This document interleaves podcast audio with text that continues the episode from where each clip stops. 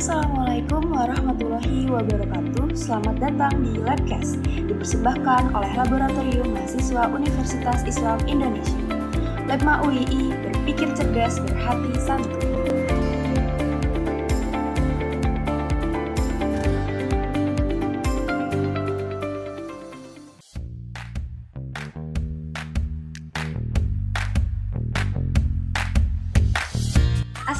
Assalamualaikum warahmatullahi wabarakatuh. Halo halo, selamat datang di Labcast, podcast persembahan dari Laboratorium Mahasiswa Universitas Islam Indonesia. Gimana nih kabarnya teman-teman semua? Semoga kita selalu diberikan nikmat sehat dan berada dalam lindungan Allah Subhanahu wa taala. Amin amin ya rabbal alamin. Kembali lagi di Labcast, podcast kesayangan Lab Myers. Bersama saya, dia dari Teknik Kimia 19 sebagai host dan saya, Sofia, dari Ilmu Komunikasi 2019 sebagai co-host. Di episode kali ini, kita mau mengenalin serial baru nih, yaitu Sharing Section with Alumni. Oke, jadi di serial ini kita bakal berbincang seru bersama dengan para alumni dari Universitas Islam Indonesia. Dan kita juga bakal mengulik pengalaman mereka selama berkuliah di kampus kesayangan kita ini langsung aja deh ke tema yang bakal kita bawain hari ini yaitu opportunity sharing dengan harapan bisa menjadi motivasi bagi teman-teman yang mendengarkan. Sini kita udah ditemani nih sama salah satu alumni UI yang sekaligus pernah ikut berkontribusi di Labma. For your information nih guys, jadi bintang tamu kita hari ini adalah seseorang yang aktif menjadi partisipan dan banyak berkontribusi melalui kegiatan di Labma pada generasi pertama. Pasti Sobat Labcast pada penasaran kan dengar ada Lab Myers loh generasi pertama. Nah, mungkin dari Sofia sendiri ingin menceritakan sedikit kelas balik gimana sih awal berdirinya Labma? Nah, menarik banget nih dia. Jadi, Labma kita ini didirikan di Universitas Islam Indonesia pada hari Sabtu, tanggal 22 September 2007. Tapi sayangnya, Labma sempat mengalami masa sulit selama tiga tahun pada periode 2011-2014 sebelum akhirnya baru diaktifkan kembali pada periode 2014-2015. Nah, iya guys, jadi bisa dibilang bintang tamu kita hari ini, beliau adalah salah satu orang yang hadir di awal berdirinya Lepma. Dan lebih tepatnya, generasi awal setelah Lepma sempat vakum, yaitu tahun 2014. Jadi nanti kita bisa sekali nanya-nanya nih, gimana sih pengalaman jadi simpatisan dulu pada saat awal keaktifan Lepma. Nah, tambah penasaran kan kalian? Wah, siapa ya? Aku jadi ikut penasaran. Oke, langsung kita kenal aja nih sama Kak Mirza. Halo Kak Mirza, Assalamualaikum. Halo dia, Waalaikumsalam. Halo Sofia. Gimana kabarnya? Alhamdulillah baik nih Mas. Mas sendiri kabarnya gimana? Alhamdulillah baik juga. Oke, sebelum kita ngobrol lebih jauh nih Mas, boleh dong kenalan dulu sama Sobat Labcast nih, para pendengar kita. Oke, jadi aku kenalin diri dulu ya. Uh, nama aku Mirza Muhammad Iqbal, biasanya dipanggil Mirza. Um, jurusanku dulu waktu S1 psikologi ya di Fakultas Psikologi dan Ilmu Sosial Budaya. Saya nggak tahu ya, bisa dibilang simpatisan, partisipan atau apalah itu dari Lepma. Tapi yang jelas saya memang sering ikut kegiatan Lepma dulu pernah ikut orientasi aja sih, tapi uh, nggak yang kemudian jadi anggota terus pengurus enggak. Cuma memang setiap kali dia ngadain kegiatan lomba atau apa saya uh, selalu ikut sih sering ikut aja. Kalau yang buat umum ya. Oke oh gitu ya mas. Jadi ya. dulu tuh uh, ikutnya tapi sempat ikut magang gitu mas? Magang kayaknya dulu belum ada kayak sistem magang gitu. Kayaknya itu baru-baru nggak hmm. sistem magang kayak gitu. Iya iya. Hmm. kayak mungkin habis tiga tahun terakhir kayaknya baru ada diadain ya, ya. proses magang. Ya kesibukannya akhir-akhir ini ataukah studi ataukah bisnis? Oke. Okay. Sebenarnya kalau akhir-akhir ini aku lagi uh, kerja, tapi juga sedang mempersiapkan studi lanjut S2. Ya, bareng sama teman kalian si Zaim itu kita. Insya Allah nanti saya di kampus uh, University of Glasgow di Inggris, Scotland sih, tapi maksudnya UK ya. Dan jurusan saya psikologi and data science. Jadi insya Allah bulan depan berangkat dan sekarang ini sedang mempersiapkan uh, keberangkatan itu semua. Selamat Mas atas beasiswanya, sangat amin. memotivasi. Terima kasih. Semoga lancar. Amin, amin. semoga kalian juga um, nanti bisa studi lanjut setinggi-tingginya ya. Amin, amin. Oke, Mas. Langsung aja kita ke sesi sharing ya. Siap. Nanti ada yang akan kita tanyakan nih pada Mas Mirza. Oke. Okay. Uh, ngomong-ngomong, selama kuliah pernah ikut organisasi apa aja nih, Mas? Sama di UI? Uh, sebenarnya benar aktif itu di lembaga pers mahasiswa dan juga psychology study club sama ada satu lagi dulu saya uh, saya juga mendirikan PKM Corner karena saya memang aktif dulu uh, nulis riset dan PKM ya uh, untuk organisasi lain itu saya tidak terlalu aktif contohnya seperti Letma memang ikut mungkin di awal-awal saja ya. Tapi memang saya sebenarnya senang gitu dengan dengan kegiatan Lepma dan memang cocok dengan saya. Cuman memang waktunya waktu itu belum ada dan akhirnya saya sering banget lah ngikut-ngikut acara anak Lepma kayak dulu pernah ada riset payungnya anak Lepma itu saya juga ikut bantu-bantu. Ada lombanya juga mereka pernah ngadain simposium saya juga ikut. Terus waktu uh, Mas Firza dulu ngadain mereka uh, KKN di Aceh dulu. Uh, pertama kayaknya KKN pertama UI yang ada di Aceh itu saya sempat daftar. Hmm. tapi saya lupa kenapa ya kok akhirnya saya nggak jadi ikut. Kalau nggak salah tuh waktu itu saya ada konferensi di Cina. Jadi saya uh, bahkan saya sampai menunda KKN saya waktu itu. Jadi nggak nggak jadi nggak jadi ikut. Itu sih saya ingat saya kalau boleh diceritain pengalaman paling berkesan di LPM tuh apa tuh mas? Uh, kalau pengalaman paling mengesankan bagi saya itu salah satunya ketika waktu itu saya mendapatkan juara uh, medali perunggu timnas ilmiah mahasiswa uh, yang merupakan final dari PKM itu sendiri itu menurut saya momen paling berharga karena pada tahun itu di 2016 PKM uh, Timnas 29 di IPB itu baru pertama kali UII meloloskan tujuh finalis ke timnas. Dan salah satunya tim saya waktu itu.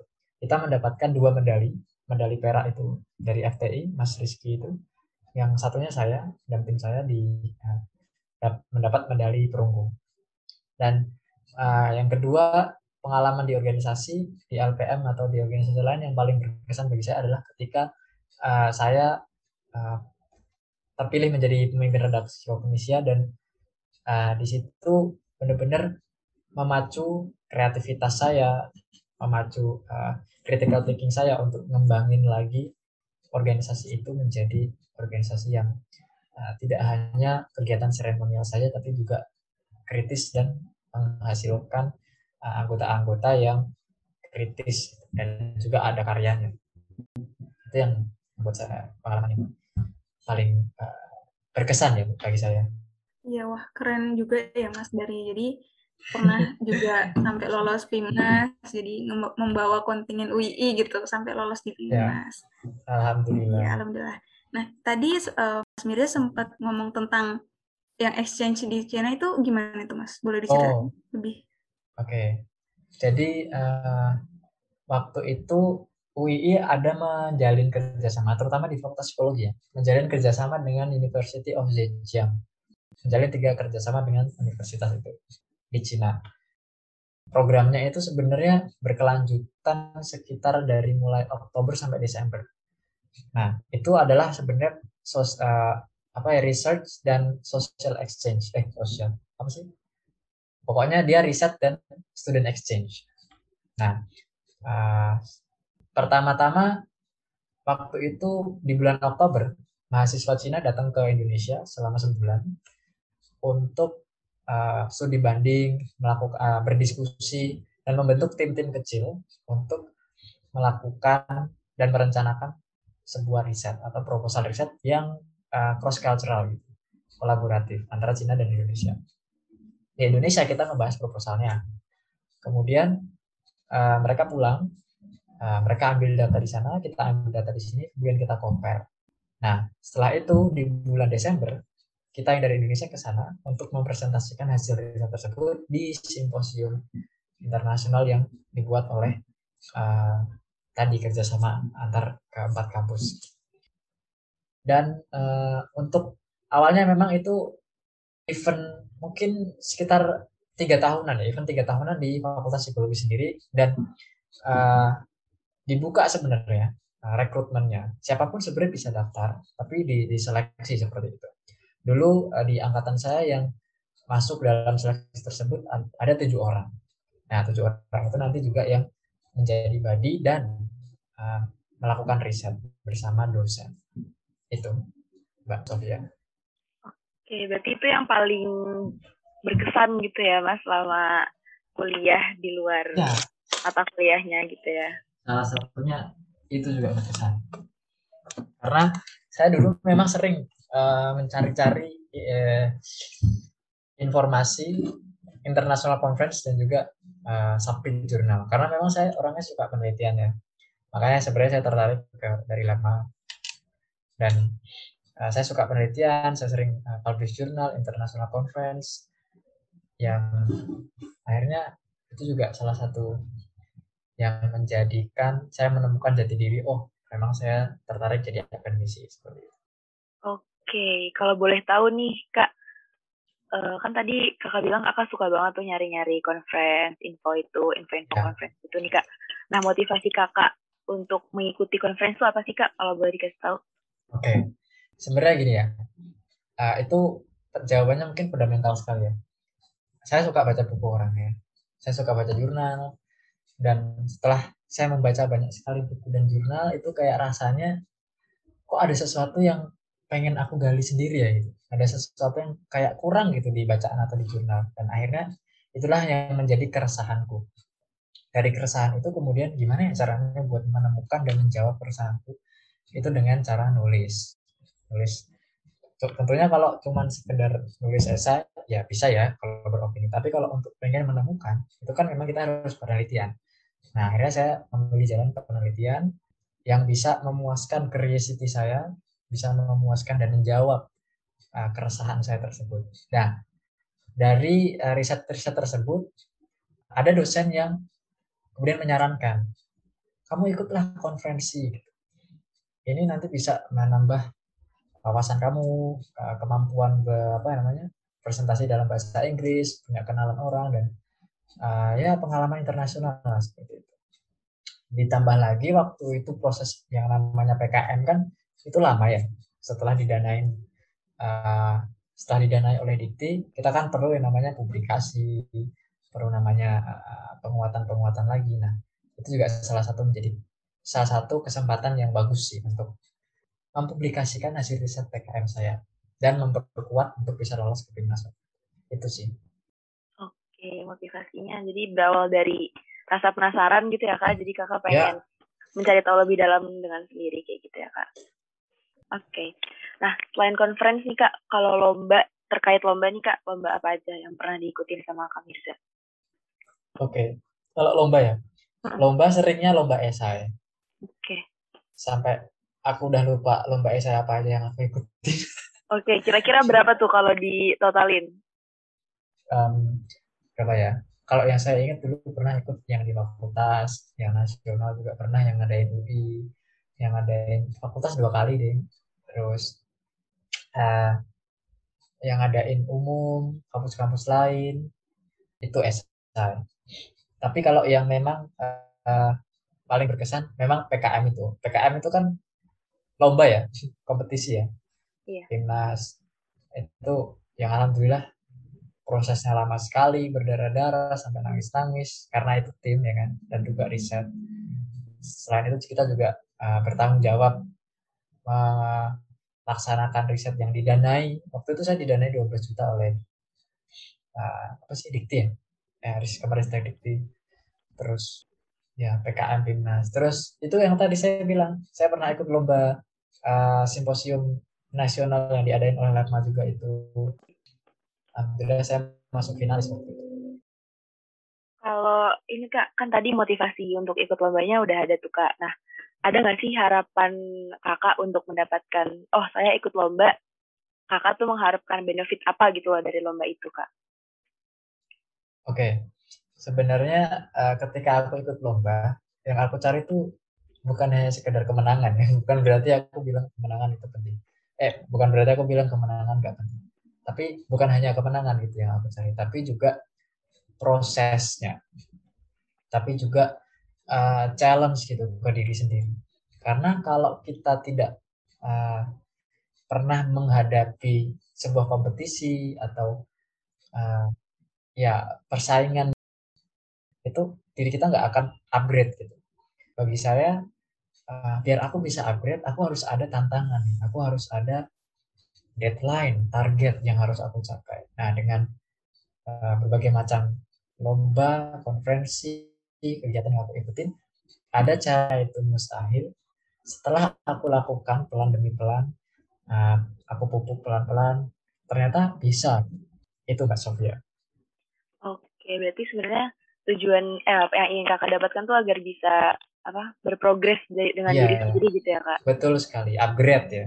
Oke uh, dari sharing Mas Mirza nih tadi kan udah sempat ikut PKM lolos sampai ke PIMNAS terus ikut macam-macam lomba ikut conference bahkan pertukaran pelajar uh, bisa dikasih motivasi dong mas sama teman-teman kita para sobat labcast para pendengar okay. biar mereka nih jadi mahasiswa aktif yang benar-benar terjun langsung. Seenggaknya mereka upgrading diri mereka sendiri. Walaupun ya sekarang masa pandemi ya semua berbasis online. Mungkin adalah rasa malas di satu sisi tapi ini kan bukan jadi alasan kita untuk uh, diem di rumah dan males-malesan. Itu mungkin dikasih motivasi biar lebih semangat gitu mas. Biar lebih produktif. Siap siap. Ini pertanyaan atau curhatan ya sebenarnya? Lebih curhatan sih Mas ya. oh gitu ya. Gimana rasanya kuliah online? Lebih ke capeknya double sih Mas kalau online. Double ya? Iya, soalnya kadang tugasnya lebih banyak dan bisa seharian full gitu di depan laptop gitu. Ya, paham aku. Gimana ya dulu jatuhnya kalau aku itu online gitu. Uh, dia sekarang lagi lolos PKM juga didanai dan aku nggak bisa ngebayangin ke uh, yang dirasain adekku ketika dia harus kayak meeting sama temennya tuh lewat zoom ya kan? Ikut kegiatan. Bahkan presentasi nanti tuh katanya juga lewat zoom timnasnya eh, timnasnya atau PKM-nya dan aku tahu sih itu berat. Apalagi untuk teman-teman sekarang yang uh, zoom kayak serak, merasa tidak berdaya gitu ya. Aduh. Dulu kan kalau mau ikut apa info apa tinggal kemahasiswaan main gitu pasti banyak. Sekarang kan sepi itu kan UI nah tapi pesan saya untuk sahabat labcast tadi pertama memang jangan menyerah ya. Ini mungkin agak klise tapi saya akan membreakdown lagi jangan menyerah itu seperti apa. Jangan menyerah dalam artian uh, masih banyak hal yang bisa kita lakukan selagi di rumah. Misalnya kita uh, karena memang saya uh, dari uh, basicnya akademis ya riset dan sebagainya. Pertama mungkin saya akan ngasih saran soal itu. Uh, kalau teman-teman suka nulis suka riset teman-teman bisa sekarang itu kan gampang banget untuk riset. Coba uh, apa ya gelitik dosen untuk tawarin ide bu mau nggak uh, riset ini sama saya? Nanti submit jurnal submit conference. Lumayan kan buat CV dan juga pengalaman presentasi ke luar negeri. Kalau yang sukanya pengabdian tenang aja. Kalian bisa jadi relawan covid mungkin ya. Kalau diizinkan orang tua tentunya. Kalian bisa jadi relawan uh, misalnya berbagi nasi atau uh, santunan untuk siapa pun yang terdampak covid itu juga merupakan salah satu kegiatan yang membuat kita bisa merasa berdaya lagi. Kadang-kadang uh, mahasiswa merasa tidak berdaya malas dan sebagainya itu karena tidak tahu harus berbuat apa. Dan ya di situasi pandemi ini menambah stres, gak bisa ketemu teman, gak bisa sosialisasi. Kalau yang suka dengan kegiatan pengabdian keagamaan, bisa itu membuat kegiatan uh, pendampingan agama untuk uh, orang-orang di desa, anak-anak di desa, uh, entah itu online atau seperti apa mekanismenya. Masih banyak kegiatan yang bisa teman-teman lakukan uh, secara online. Malah justru ketika online ini uh, banyak kegiatan baru yang dulunya tuh tidak disadari. Misalnya live IG kan sekarang mulai banyak tuh. Live IG, bikin podcast kayak gini jadi lebih mudah, nggak perlu ngundang orangnya ke kantor dan bisa remote dan seterusnya. Ya itu sih mungkin saran dari saya agar teman-teman tetap berdaya, tidak kemudian menyerah atau eh, pasrah sama keadaan ini, walaupun memang berat sih. Ya pilihan bagi kita untuk tetap bisa uh, yeah. produktif, bisa aktif di mana pun walaupun uh, sekarang online, ya tetap bisa aja banyak kegiatan. Misal tadi kita ikut uh, pengabdian atau misalnya yeah. kita jadi relawan. Betul Jadi sekali. Bukan menjadi alasan ya mas untuk kita bermalas-malasan gitu sebagai mahasiswa. Betul sekali. Um, apa ya? Jadi mahasiswa terutama labkas ini karena labelnya laboratorium mahasiswa. Pesanku cuma satu sih, stay foolish, stay hungry. Tetaplah lapar dan tetaplah merasa haus. Jadi agar kita tetap minum dan tetap makan. Maksudnya bukan secara harfiah ya, tapi terus mencari ilmu sampai ke akar-akarnya. Siap Mas, terima kasih nih saran, terus ya. tips-tipsnya, motivasinya. Semoga uh, para pendengar Labcast nih Amin. bisa menumbuhkan kembali semangat biar lebih produktif, bisa menggapai banyak hal gitu, terutama dalam hidup. Entah itu pencapaian atau misalnya cita-cita mereka. Amin. Semoga kalian juga sukses ke depannya. Iya, terima kasih nih kepada Mas Mirza sudah bersedia untuk datang meluangkan waktunya dan berbagi informasi sama kita nih, para pendengar Labcast. Semoga ya. yang disampaikan oleh Kak Mirza bisa bermanfaat dan menjadi amal jariah bagi Mas Mirza. Siap. Dan bisa menjadi motivasi bagi semua pendengar. Amin, amin ya rabbal alamin. Amin. Baik, terima kasih kepada Kak Mirza sudah bersedia untuk datang dan meluangkan waktunya buat berbagi informasi bersama pendengar Labcast. Semoga apa yang disampaikan oleh Kak Mirza bisa bermanfaat dan menjadi amal jariah bagi Kak Mirza dan bisa menjadi motivasi bagi kita semua, para pendengar Labcast. Amin, amin ya rabbal alamin. Stay up to date dengan Labma UII di Instagram kita at labma.ui. Saya Dia dan juga Sofia pamit undur diri. Sampai jumpa di episode Labcast selanjutnya. Lepma UII, berpikir cerdas, berhati santun. Wassalamualaikum warahmatullahi wabarakatuh.